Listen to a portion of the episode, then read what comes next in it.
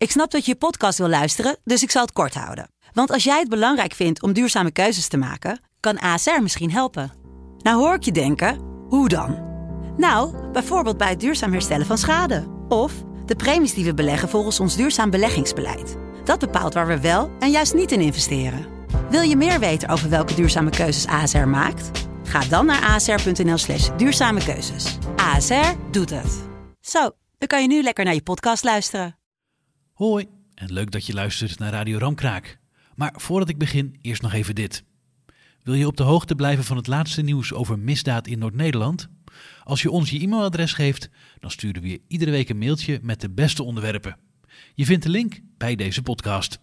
En dat vind ik zo gaaf dat een klein rechercheteam in Koevoorde uiteindelijk aan de basis staat van een Europa breed onderzoek. Eindresultaat is dat er uiteindelijk acht zogenaamde high-value targets volgens Europol werden aangehouden.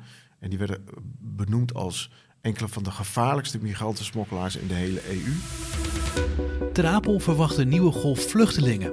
En dat roept de vraag op: krijgen we binnenkort dezelfde beelden te zien als vorig jaar? Toen honderden vluchtelingen in tentjes voor de deur van het aanmeldcentrum bivakkeerden. Waarom hebben we het hierover in een misdaadpodcast, vraag je je misschien af. Nou, criminelen die verdienen immense bedragen aan de smokkel van vluchtelingen. En daar gaan we het over hebben. Vanaf de redactie van Dagblad van het Noorden luister je naar Radio Ramkraak, de crime-podcast van Leeuwarden Courant en Dagblad van het Noorden. De misdaadverslaggevers van deze kranten praten je iedere week bij over misdaad in Noord-Nederland. Mijn naam is Jeroen Kelderman en bij mij aan tafel zitten verslaggevers Maaike Borst en Bart Olmer. Heb jij wel eens zo'n mensensmokkelaar uh, in het echt gezien, Maaike? Dat weet ik niet zeker, maar um, het was wel zo dat ik, ik ben afgelopen zomer, toen er zoveel mensen in Ter Apel uh, uh, voor de deur lagen, een hele nacht eigenlijk daar geweest. En op een gegeven moment was het wel zo, s heel vroeg, het was heel, eigenlijk heel, nou ja, schimmige situatie. Allemaal mensen onder witte dekens lagen en zo. En toen kwam er eens een busje die zelfs bijna over mensen heen reed, die daar op de grond lagen. En die, die kwam er aanrijden, heel gehaast. En, en, en vragen van, ja, waar kan ik heen? En, en, en, en er werden mensen afgezet.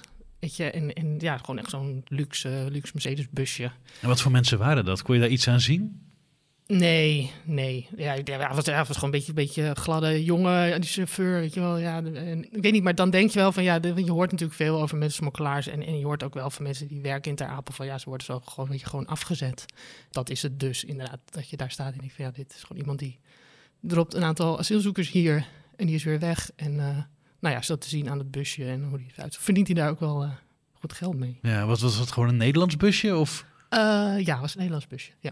Op de redactie, hoe, hoe gaat dat dan? Want uiteindelijk heb je de hele smokkelroute van uh, een aantal mensen in kaart gebracht, hoe ze dan in Nederland komen. Hoe, hoe ben je daar uiteindelijk terechtgekomen? Ja, het was ook een discussie hè, bij ons op de redactie, uh, dat je met dat beeld terugkwam en dat we zeiden, we moeten daar eens op gaan investeren. Ja, want ik had, dat, ik had toen een reportage gemaakt waarin ik ook dat, dat busje liet voorkomen. En jij, Bart, jij, daar, jij haakte daar ook op aan. En, en we hadden het over hoe dat ging. En ik heb natuurlijk ook veel, uh, veel vluchtelingen, asielzoekers gesproken. En die ook vertelden over die reis, over hoeveel geld ze wel niet uitgaven daaraan. En hoe het ging en hoe gevaarlijk het is en zo. Dus, dus die verhalen heb ik wel gehoord. En toen uh, hebben we het daarover gehad. En we dachten van ja, dat willen we graag op inzoomen en uh, een groter verhaal over maken. Ja, wat, wat, wat voor verhalen hoorde jij van, van mensen? Dat ze soms echt maanden uh, onderweg zijn. En natuurlijk, nou ja, de, de, bekende verhalen over dat ze met bootjes over de Middellandse Zee natuurlijk gaan. En, en hoe gevaarlijk het was en, en hoe ze worden uh, opgepakt aan de grens met Wit-Rusland. En uh, nou, hardhandig teruggestuurd. En um, nou, inderdaad, nou ja, hoe, hoe duur het is, hoeveel geld ze eraan kwijt zijn. En het, ze dan, en het was heel vaak dan dat, dat ze dan eindelijk hier waren wat, na alles wat ze hadden meegemaakt. En dan lagen ze buiten voor Ter Apel. en dan was het nog steeds maar... En dat was het eigenlijk dan, nou ja, weet je, vergelijking met die hele reis... zeiden ze soms ja, weet je, een beetje buitenliggend Apel is niet heel erg. Want, want wat ze allemaal hebben meegemaakt is veel erger. Maar wat we wel op de redactie uh, zeiden van die beelden uh, die jij ophaalde... van de enorme hoeveelheid mensen die er waren... dat we dachten van, oké, maar hoe zit die reis nou eigenlijk precies in elkaar? Hoe, wat betalen ze? Hoe werkt het nou precies? Ja, en wie betalen ze? Wie zijn dat dan? De, ja. Want jij hebt in ieder geval, wat ik las, twee mannen uit Jemen gesproken die de reis gemaakt hebben. Ja, ja toen we dat wilden maken, hebben we dus inderdaad uh, dacht van, nou, we, we, willen een aantal voorbeelden. Dus deze twee wilden, uh, wilden hun verhaal vertellen. En, en uh, nou ja, eentje die via de Balkan is gegaan, dus eigenlijk via, via Turkije overgestoken over de Middellandse Zee, Griekenland en toen door ja, Albanië, Servië uiteindelijk naar Nederland is gekomen. En die andere jongen is vanuit Wit-Rusland de grens met Polen overgestoken. Nou, zeven pogingen en gebroken ribben en zo uiteindelijk gelukt is. Dus twee verschillende routes hebben we uitgelicht. Overigens was dat wel heel bijzonder hoor, Johan. Want de jongens die hadden van die reis hadden ze foto's en video's. Dus alles wat ze vertelden, konden ze ook laten zien. Dus we uh, hebben die beelden van hen uiteindelijk ook gebruikt... dat ze in een bootje op de Middellandse Zee zaten. Uh, in het geval van de ene route, in het geval van de Wit-Russische route... zie je dat er filmpjes zijn dat ze in elkaar geslagen zijn. Dat ze staan te kotsen ergens in een bos. Uh, dus al die beelden hadden zij. Dus al het bewijs... Ehm, we konden ze echt volgen op hun beide reis. En om wat voor bedragen gaat het die ze, die ze betalen? Ja, nou ja, tussen de 10 en 15.000 euro um, is ongeveer wat je het meeste hoort. Met ook wel een uitschieter naar 20.000 uh, hebben we gehoord. Hoe werkt dat dan? Heb je dat geld bij je? Uh, betaal je dat in één keer aan uh, nee, waar je vertrekt? Of, of, of, of hoe werkt dat?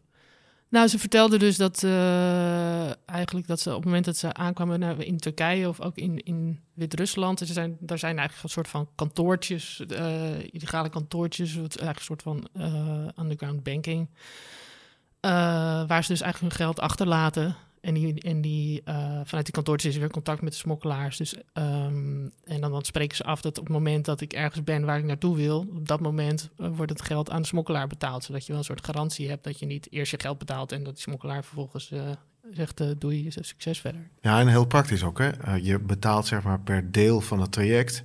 En wat wij hoorden is dat ze dan een selfie maken van ik ben gearriveerd. Die selfie wordt gestuurd naar degene die de pot beheert van hun. En die keert dan een deel van, die, van, van dat geld uit op basis van die selfie. Ja, of een video. Gaat het altijd goed? wat, wat, wat, gaat wat altijd goed met het geld? Of met, nee, uh... gaat het altijd goed dat ze op de plaats van bestemming aankomen? Uh, nee, natuurlijk niet. Nee. Nee, het gaat ja, zeker. Nou ja, het is natuurlijk bekend dat het, zeker met die bootjes in de Middellandse Zee, dat dat natuurlijk heel vaak ook uh, niet goed gaat.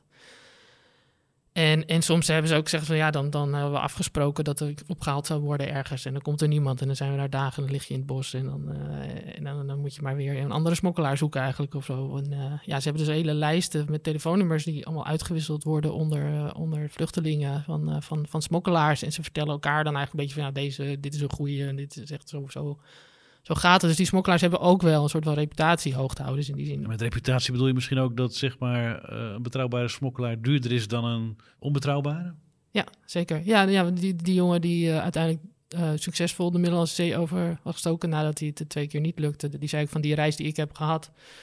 Ik weet niet meer hoe die was, maar, maar na een paar maanden toen was die reis veel duurder geworden. Omdat dus het, het rondgaat onder andere vluchtelingen die die gast is betrouwbaar, met hem kun je meegaan. En dan, uh, ja, dan wordt de reis ook steeds duurder. Dan misschien even naar jou, Bart.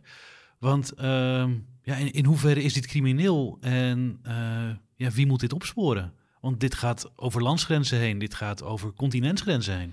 Ja, de, uh, Maaike kwam terug met dat beeld uh, vanuit Ter Apel, uh, dat zij daar die auto's zag rondrijden en dat er mensen uitstapten. En toen hebben we gedacht, oké, okay, wij zouden eigenlijk wel gaan aan tafel willen komen met uh, de rechercheurs die dit soort zaken onderzoeken. Uh, mensenhandel, mensensmokkel. Nou, dan kom je uit uh, bij de marechaussee, dat is hun, hun taak. we hebben er contact met ze gelegd. Dat duurde heel erg lang, want we wilden per se mee met de controles langs de grenzen. uiteindelijk lukte dat. En toen ontstond er wel iets heel gaafs. we hadden in eerste instantie afspraken om te spreken met uh, uh, zeg maar de brigadecommandant van de KMAR, Arjan Batelaan, en met zijn plaatsvervanger. Nou, dan word je keurig ontvangen in een gebouw in Winschoten. Um, maar ja, dan zie je nog niet zoveel, weet je. Dat, dat is allemaal... daar wordt over gesproken, maar je hebt nog niet het gevoel van... hoe pakken ze nou dat echt aan, dat onderzoek? We zijn later op die dag zijn we ook bij een eh, controle op de snelweg eh, in de buurt van Winschoten geweest. Nou, dan wordt het al wat concreter. We hebben toen, Maaike, niemand... Er werd toen niemand aangehouden hè, voor mensensmokkel. We hebben toen niks... We kwamen wel hele gekke dingen uh, kwamen we tegen. Hondjes? Uh, ja, we kwamen bijvoorbeeld ja, uit Roemenië, geloof ik, hè?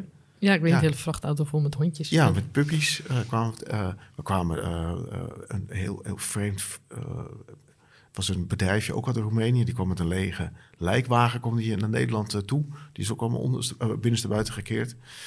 Uh, nou, ze legde uit waar ze dan uh, op controleren. en ze legde ook uit waarom dit soort controles op de snelweg heel erg van belang zijn. Want dit, die mutaties die eruit vandaan komen, die belanden in in een database die ze later allemaal op kunnen vragen. En daar kunnen soms geweldige aanwijzingen in zitten. Maar het mooie van die lange dag was dat ze uiteindelijk allemaal zeiden: ja, maar als je het echt wil weten hoe het zit, dan moet je naar die en die gaan, een teamleidster van de recherche van de Marseillais in Koevoorde. Dus aan het einde van de dag uh, kwamen wij daar. En ik was echt super enthousiast over uh, onze ontmoeting uh, met haar. Kom terug op de redactie. Ik zeg: het is echt, ik heb echt gezegd, het is een tank van een mens die we daar gesproken hebben. Want die gaf ons eigenlijk een soort college. Uh, hoe zij uh, een paar hele mooie zaken had aangepakt. En godzijdank was er een woordvoerder bij aanwezig die niet aan de noodrem trok, maar die ook gewoon liet praten. En zij vertelde van een onderzoek dat ze draaide, en, en, dat was heel bijzonder. Haar team in Koevoorde, zes of zeven man sterk, die aan de basis stond van een geweldige doorbraak op het gebied van mensenhandel in Europa. waar, zij vonden uh, cruciale informatie, waardoor uiteindelijk een Europol-onderzoek werd gestart en dat er 150 uh, uh, of meer verdachten werden aangehouden. Ja, en die informatie die dat begon dus ook bij zo'n zo'n aanhouding van zo'n controle gewoon ergens uh, op Precies, de weg. Ergens wat Maaike had gezien ja. in Ter Apel, dus die informatie. We zien een busje, we zien een auto, we zien mensen. Dat zien ze ook bij dit soort controles waar we eerder op de dag zijn geweest. Nou, en haar zaak startte uh, met een heel eenvoudig zaakje. Uh, waarbij uh, in de buurt van Ter Apel een auto werd onderschept. Daar zaten een aantal Syriërs in. Er was één vluchteling, een chauffeur en een bijrijder. Nou, die chauffeur en die bijrijder, die, dat, waren, dat waren geen grote jongens. maar die gesmokkelde uh, die vertelde een verhaal waar zij heel veel mee konden. Die vertelde dat uh, ze hebben een groep uh, over de grens bij Vaals, het zuidelijke puntje van Nederland, waar uit de auto waren gedonderd, echt net over de grens. En nou, zoek het maar uit, vind je eigen weg. Waar ze allemaal heel boos over geweest, de vluchtelingen. want ze hadden vervoer verder gewild. Nou, uiteindelijk bleken ze contact te hebben in Breukelen. Dus het hele gezelschap ging naar Breukelen toe. En deze, die wilde wel echt gewoon asiel aanvragen. En die ging de volgende dag naar de Apel. En werd dus per ongeluk onderschept. Dan gaat bij de recherche zo'n heel scenario draaien. Dan worden de telefoons worden, uh, leeggezogen. Dan worden de uh, mensen uh, gehoord, verklaringen afgelegd. Um, en dan blijkt dat deze vluchteling op het hele traject contact heeft gehouden met één persoon. Dan vinden ze dat nummer ook in de, via de WhatsApp, houden ze daar contact mee. Uh, is een onbekende man. Um, maar dat nummer werd uiteindelijk wel gedeeld uh, in overleg met de officier van justitie in Noord-Nederland, die specifiek is aangesteld voor mensenhandel, mensensmokkel. Die werd gedeeld met ehm, Europol. En die kregen toen terug, ja shit jongens, dat nummer dat, dat komt terug in tientallen rechercheonderzoeken. Maar die liggen eigenlijk allemaal vast. Want uh, wij weten niet uh, wat de identiteit is van de persoon of de personen die achter dat nummer uh, zitten. Dus daar kwamen ze uiteindelijk niet zoveel verder mee met dit zaakje. Nou, die vreselijk enthousiaste teamleidster, want nou, geef toe, maar wij werden echt heel enthousiast over haar. Ja, dus ja enorm was, gedreven. En vertelde heel gedetailleerd. En nou, ze zei, ik ben daarna op vakantie gegaan. Ik heb die zaak uiteindelijk naar de Intel-afdeling van de Marseille gedaan. Uh, daar kreeg ik niet zoveel terug, want die waren heel erg druk bezig uh, met die uh, encryptieserver die toen omgevallen was. Heel crimineel Nederland, die bleek uiteindelijk in beeld te zijn. Dus die hadden dat, dat, dat dossiertje eigenlijk een beetje laten liggen. Ze kwam terug van vakantie en toen las ze mutaties van collega's en die hadden geschreven over eigenlijk een identieke zaak. Ook een groep Syriërs die vlak over de grens uh, echt maar net een paar meter over de Nederlandse grens eruit gedonderd waren. Ook boos, want dat was tegen de afspraken in. Dus die modus operandi was hetzelfde. Ze ging zich erin verdiepen en, hé, hey, Wimpel, weer hetzelfde nummer. Maar weer geen identiteit uh, ervan.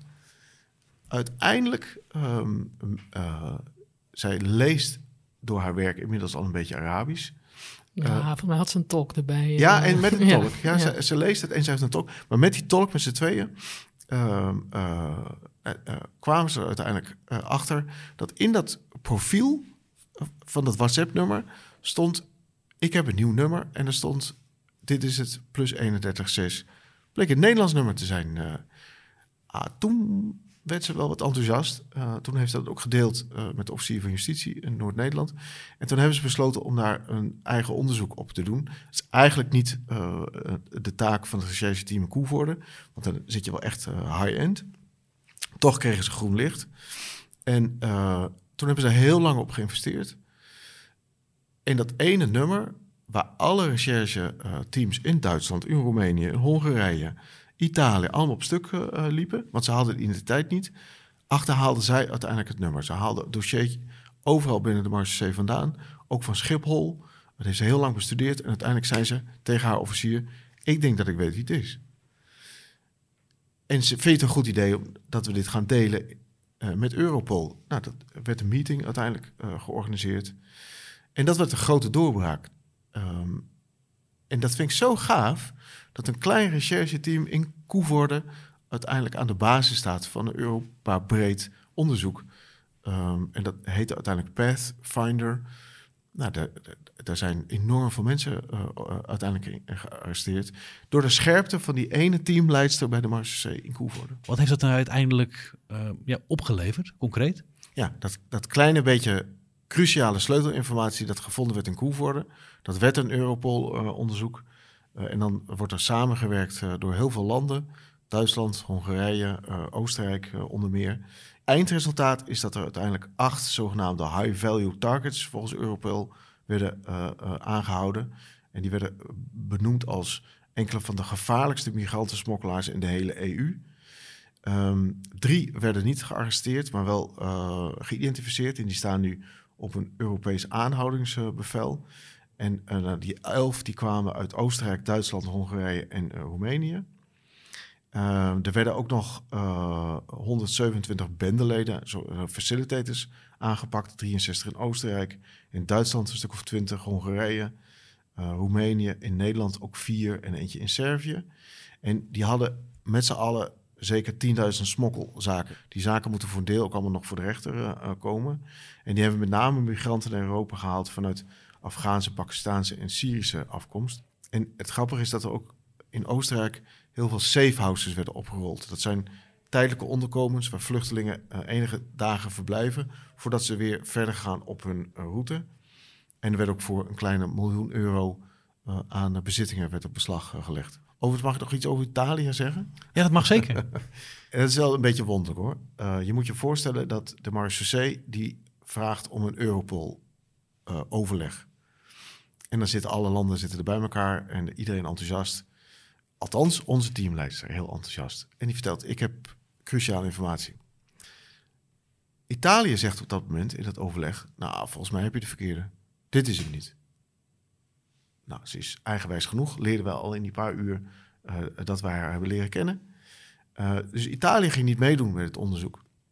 De rest wel. Dus het kopstuk, de man die ooit in Nederland uh, was en asiel had aangevraagd en uiteindelijk met onbekende bestemming verdween, die werd ook bij de klapdagen niet aangehouden. Dat was nog steeds de grote onbekende. Waar bleef hij? Een paar maanden daarna claimde Italië in één keer: Eureka, kijk ons nou eens een geweldige slag hebben toegeslagen. En toen werd hij wel in Italië aangehouden. Diezelfde man waarvan de Italianen uiteindelijk zeggen: nee, je zit achter de verkeerde aan. Die werd uiteindelijk mooi in Italië aangehouden. Volgens mij samen met zijn broer. Kijk Mike nog even aan. Ja. En op hun tafel, dus even heel concreet, lag ook gewoon de telefoontjes met die eindeloze WhatsApp-gesprekjes van vluchtelingen die contact zochten, route zochten, betalingen. Dat lag er allemaal. 24 uur 7 stond dat spul uh, aan. Dus Europol samenwerking is mooi. En, maar soms hebben landen ook wel hun eigen belang, blijkt. Ze zullen er gewoon zelf mee shinen. Dat is eigenlijk. Nou, dat hebben ze in ieder geval gedaan. Ja. Wat is de waarde van, van die aanhouding? Want uh, de vluchtelingen die blijven wel komen. Nou, ze zeiden wel, het is als een flinke tik uh, was het uh, in de organisatie van die smokkel over de Balkanroute. Maar ja, je moet ook niet naïef zijn. Uh, dat riep ze sowieso al uh, om, om, de... Dat je niet naïef moet zijn. Dat je om de kwartier dat je niet te naïef moet zijn. Uh. Nee. Um, dus hou je daarmee alles tegen? nee. Nee, nee er zijn natuurlijk anderen die het overnemen. Want ja, het is gewoon een echt een enorm verdienmodel. Ja.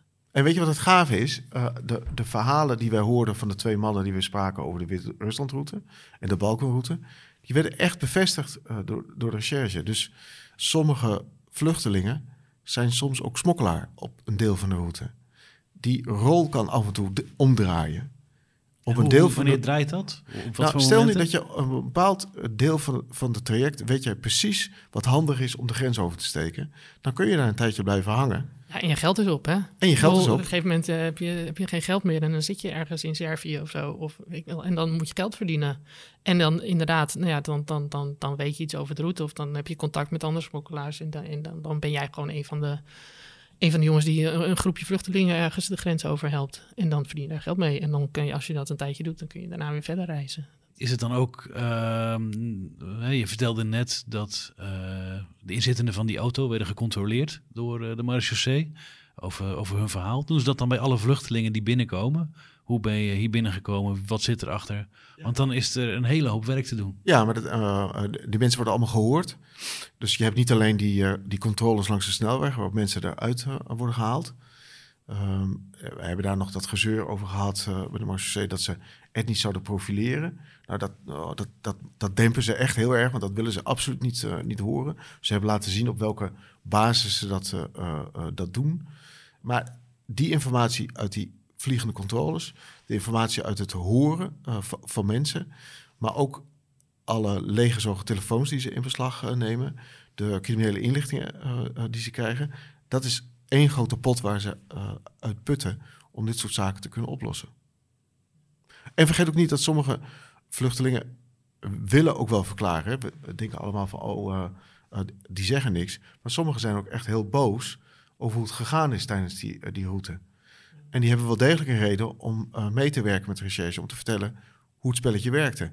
Dat is niet zonder gevaar, uh, want uh, je ziet in filmpjes van die vluchtelingen, um, ook in het onderzoek waar de Drentse recherche aan ten baas stond, hè, het onderzoek Pathfinder van Europol, daar zie je filmpjes waar wapens worden getoond, waar mensen mishandeld zijn. Uh, waar mensen onder erbarmelijke omstandigheden worden gehuisvest. Ik hoorde ook uh, dat uh, de mensen die jij gesproken hebt uit Jemen, dat die moesten overgeven in een bos omdat ze zwaar mishandeld waren. Of in ieder geval één van de twee. Ja, ja, ja dat, dat was door Wit-Russische grenswachten. Ja, en, en ook Poolse grenswachten doen dat. Dat is ook wel bekend dat, dat, dat daar veel mishandelingen plaatsvinden. Ja. Er zijn ook wel beelden van, volgens mij, ook in Hongarije op een gegeven moment, jaren geleden, dat dat uh, aan, aan de gang was. Ja, ja dat is natuurlijk uh, hoe het aan de, aan de grenzen gaat. En dat is natuurlijk uiteindelijk is dat het grotere probleem, dat, dat Europa natuurlijk probeert grenzen dicht te houden.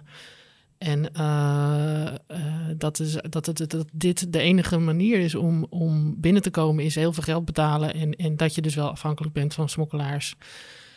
Uh, en, en dat die smokkelaars daardoor ook veel geld aan kunnen verdienen. Um, ja, is dus ook omdat Europa gewoon daar geen, geen beleid op kan vinden. Dat, je niet, dat er niet samen wordt gewerkt. En dat het zeggen van we halen de, de, meest kwetsbare vluchtelingen misschien zelf daarheen. En we verspreiden dat goed over Europa. Daar, dat is gewoon, daar is geen samenwerking in. Dus, dus, dus gaat het op deze manier. En, en zijn het alleen de mensen die, uh, die geld hebben en, en, en gezond en, en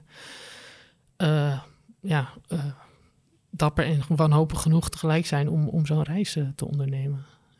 Ja, en ondertussen zijn daar een hele hoop slechte mensen, criminelen om ze zo maar te noemen, die daar bakken met geld aan verdienen. Nou, want, want is bekend hoeveel geld daarin omgaat? Nou, we hebben het over honderden miljoenen. Hebben het. het zijn enorme bedragen. En, en soms ook heel concreet. Hè? Um, het was diezelfde uh, recherche-team dat ook aan de bel uh, trok over, uh, dat noemden ze dan een soort Moldavische asielcarousel. Rondom Ter Apel werd uh, meerdere keren een gele touringcar gezien. Um, en daar werden dan uh, bij Ter Apel werden daar elke keer een zeventigtal uh, Moldavische asielzoekers uitgeladen en die, vroegen asiel aan. Zij ontdekten dat daar een organisatie achter zit die Moldaviërs rondpompte door Europa heen overal waar uiteindelijk hun middelen van bestaan opdroogden, dan gingen ze weer naar een ander land toe. Dat was een organisatie die daar echt veel geld aan verdiende. Wat bedoel je dan met hun middelen van bestaan die droogden op? Nou, um, dat is heel cynisch. die Moldaviërs die werden naar Frankrijk gebracht. Die kwamen daar in opvang, die kregen daar geld. Maar die konden bijvoorbeeld ook een premie krijgen als ze teruggingen naar Moldavië. Ja, want Moldavië is volgens mij een arm land, maar geen onveilig land. Maar geen onveilig land. Dus ook geen reden om asiel aan te vragen. Maar je kunt wel een tijdje in de asielopvang blijven hangen. Dan krijg je ook geld.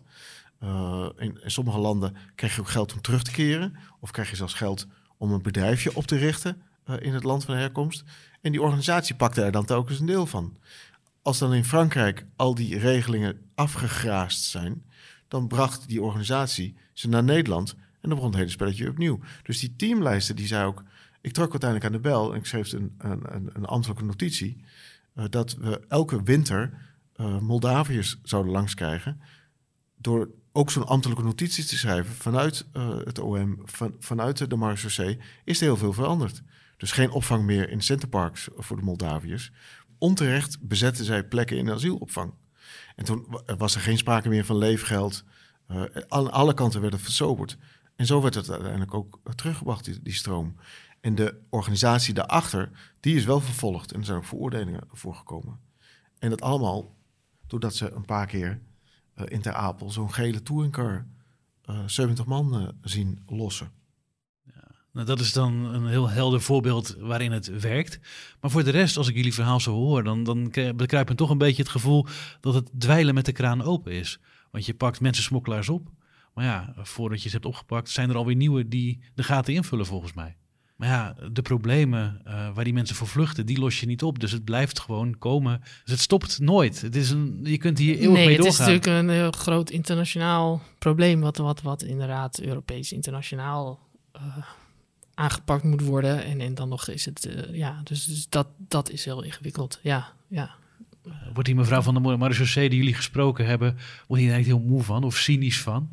Want natuurlijk is het Nee, een mooi succes wat je boekt. cynisch, eh. Alleen ja, we- weet je, je kunt volgende week weer opnieuw beginnen.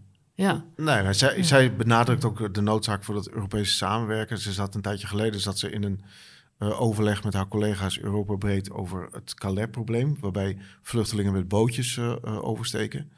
En ze zegt dan van ja, weet je, als we dit willen tegengaan en tegenwerken, ja, dan moeten we wel Europees breed nadenken. Want alleen langs de snelweg staan in Winschoten of bij Koevoorde, dat gaat ons niet, gaat ons niet helpen. Maar toebrengen van dit soort slagen, ja, het wordt, het wordt wel ingewikkelder eh, wordt het. Een andere methode lijkt me er niet te zijn. Wat heeft jullie nou zelf gebracht, dit eh, onderzoek, dat je er zelf induikt in, in hoe dat met die mensensmokkel werkt? Want wist nou, je dat het je al van wat minder naïef bent. Nee. Ja, Om het zoals even teamlijst om de, harde- om de kwartier zegt, je moet niet zo naïef zijn, hè? Ja, dat, dat je dus inderdaad echt van, oh ja, zo, zo gaat het dus inderdaad. En ehm, ja. ja, ook wel, maar dat is ook als je gewoon veel met, met, met asielzoekers praat en zo, dat je gewoon veel beter begrijpt hoe het, hoe het werkt en, en, en wat hun drijfveren zijn. En, en, en eh, ja, dat, dat is altijd goed om te weten als je over, ja, wel, ik, het is mijn dossier asielbeleid, dus, dus, dus ja, hoe meer erover weet, hoe het echt concreet gaat, dat eh, is belangrijk. Ja. En ben je nu nog ergens mee bezig dat je, nou ja, er, er komt weer een golf aan. Ehm, Ja, nou ja, daar ben ik natuurlijk altijd mee bezig. Het is nu, ja, want eh, eh, ja, hoe meer, hoe eh, richting de zomer komen er altijd, want ja, er wordt er meer gereisd, want het weer is beter. En dat, dat zeiden die jongens ook op een gegeven moment. Die weet ik nog dat eh, eh, in Griekenland eigenlijk vast zat en zat te twijfelen van, eh, blijf ik nog proberen om met het vliegtuig te gaan? En daar was hij al twee keer opgepakt op het vliegveld. Of moet ik nu toch, zeg maar, over land gaan? En dat hij ook zei van, ja, straks... straks wordt het winter, dus als ik wil gaan, dan moet ik nu gaan. Want anders dan, eh, dan wordt die reis zo heftig. en Zo. Dus, dus, dus je ziet dat er nu in deze maanden het meest gereisd wordt. Dus, dus nu eh, komt de golf, zoals het dan wordt genoemd. Dus eh, ja, dus, dus ik, ik, ik volg dat. En, en hoe het dan zit met al die opvangplekken in Nederland, hoe ze het moeten oplossen. Nou ja, en, en vandaag is er een debat over de spreidingswet, hoe het over gemeenten verspreid moet worden. En eh, nou ja, daar gaat het al, al een jaar over. En ja, dus ja, daar ben ik altijd mee bezig. En dan is er nog de groep Veilige Landers die voor veel overlast zorgt in Ter Apel. Het is iets totaal anders dan waar we het in deze podcast over gehad hebben. Maar ga je daar ook nog over schrijven? Ja, ik hoorde bijvoorbeeld van een van de politieagenten die daar werkt. En die zegt, ja, er staan mensen tegenover me. Uh, nou, die zijn toch al tegen de 30 aan. En die beweren dan, ik ben 16, zegt hij dan. En, ja, en hij zegt dat het is een hele cynische wereld waar we dan uh, in, uh, in werken. Daar kun je redelijk moedeloos van worden, ook heel erg boos. Maar dan moet je dat hele formele traject uitlopen. Want je kunt niet bewijzen wie het is en hoe oud hij echt is. Is, is dat het probleem dan? Nou ja, dat, dat moet je allemaal gaan uitlopen formeel. Ja, en, daar, en nou ja, ik zal de krachttermen niet herhalen die die dan noemde. Ja, en het ingewikkelde is dat, dat dus uh, die groep, wat, dan, wat nog steeds een kleine groep is op het geheel van, uh, van, van mensen die hier asiel komen aanvragen. Net als die Moldaviërs eigenlijk. Uh. Mensen die dus hier wel asiel aanvragen en, en eigenlijk misbruik maken van, van de opvang die er dan is. Want je hebt recht op opvang als je asiel aanvraagt. Ook al weet je dat je, dat je helemaal niet hier mag blijven daar de, die, die, die, die, die halen het draagvlak onderuit natuurlijk voor, voor de asiel. Want dat is gewoon van die overlast is zo heftig. En, zeker in Ter Apel zo zijn mensen die niks te verliezen hebben, die, die tegenover staan, die alles doen. Dat is heel bedreigend. Uh, maar ja, het is maar een kleine groep. En, en, en dat is weer de reden dat heel veel gemeenten uh, niet aandurven om, om een opvang in hun gemeente te doen. Ze zeggen van ja, ze zijn bang voor dat soort overlast en, en mensen willen het niet. En daardoor is er, geen, is er te weinig capaciteit aan opvang in Nederland. En zitten ze nu de hele tijd te handen met die spreidingswet en al dat soort dingen. En, en liggen mensen buiten op straat. En, dus alles hangt daarin met elkaar samen. Maaike Borst, Bart Olmer, dank je wel. Je luisterde naar Radio Ramkraak de crime-podcast van Leeuwarden Courant en Dagblad van het Noorden. De misdaadverslaggevers van deze kranten praten hier iedere week bij over misdaad in Noord-Nederland. De muziek die je hoorde werd gecomponeerd door Guido Keizer. Mijn naam is Jeroen Kelderman en ik bedank je voor het luisteren.